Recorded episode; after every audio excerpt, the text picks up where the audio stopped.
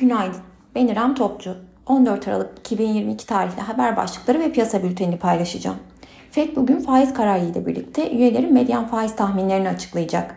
Seçeneklerini açık tutmak isteyen Powell'dan ise katı bir faiz patikası çizmesi beklenmiyor.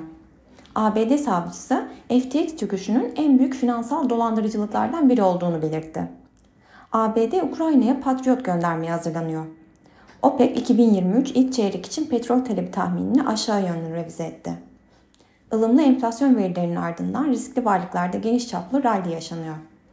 Piyasalara genel olarak bakacak olursak pay piyasalarında dün ABD tüfe enflasyon verisi takip edilirken yıllık tüfe %7.3 beklentinin de altında %7.1 seviyesinde gerçekleşti.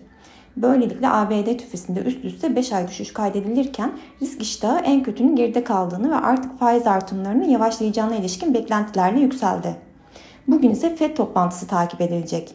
Piyasa beklentisi 50 bas puanlık faiz artırımı gerçekleşmesi yönünde. Yurt içinde ise biz güçlü alım iştahının da etkisiyle yeni rekorlar test ederken teknik görünüm yükselişi desteklemiyor ve hafta içinde kar realizasyonu riskinin yükseldiğine işaret ediyor. Ancak güçlü yurt içi yatırımcı talebi nedeniyle kar satışları yaşansa da geri çekilmelerin orta vade için alım fırsatı olarak kullanılacağını düşünüyoruz. Bu sabah ABD vadeleri pozitif eğilimle, Almanya DAX vadeleri ise hafif negatif eğilimle seyrediyor. Asya borsalarında da pozitif bir tablo hakim. Teknik analiz verilerine bakacak olursak gün içinde 5170 ve altına geri çekilme alım fırsatı, 5340 ve üzerine yükseliş ise gün içi kar satış fırsatı olarak takip edilebilir.